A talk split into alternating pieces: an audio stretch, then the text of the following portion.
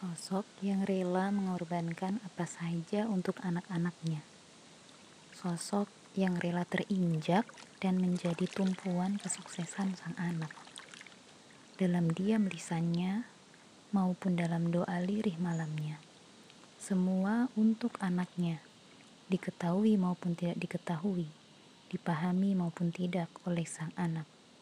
Itulah ayah. Ya, Bapak sosok yang tak lagi bisa kusapa. Hanya bisa berharap Allah kumpulkan kami di surga. Sebagaimana Allah berfirman dalam surat At-Tur ayat 21, dan orang-orang yang beriman dan yang anak cucu mereka mengikuti mereka dalam keimanan, kami hubungkan anak cucu mereka dengan mereka, dan kami tiada mengurangi sedikit pun dari pahala amal mereka. Tiap-tiap manusia terikat dengan apa yang dikerjakannya.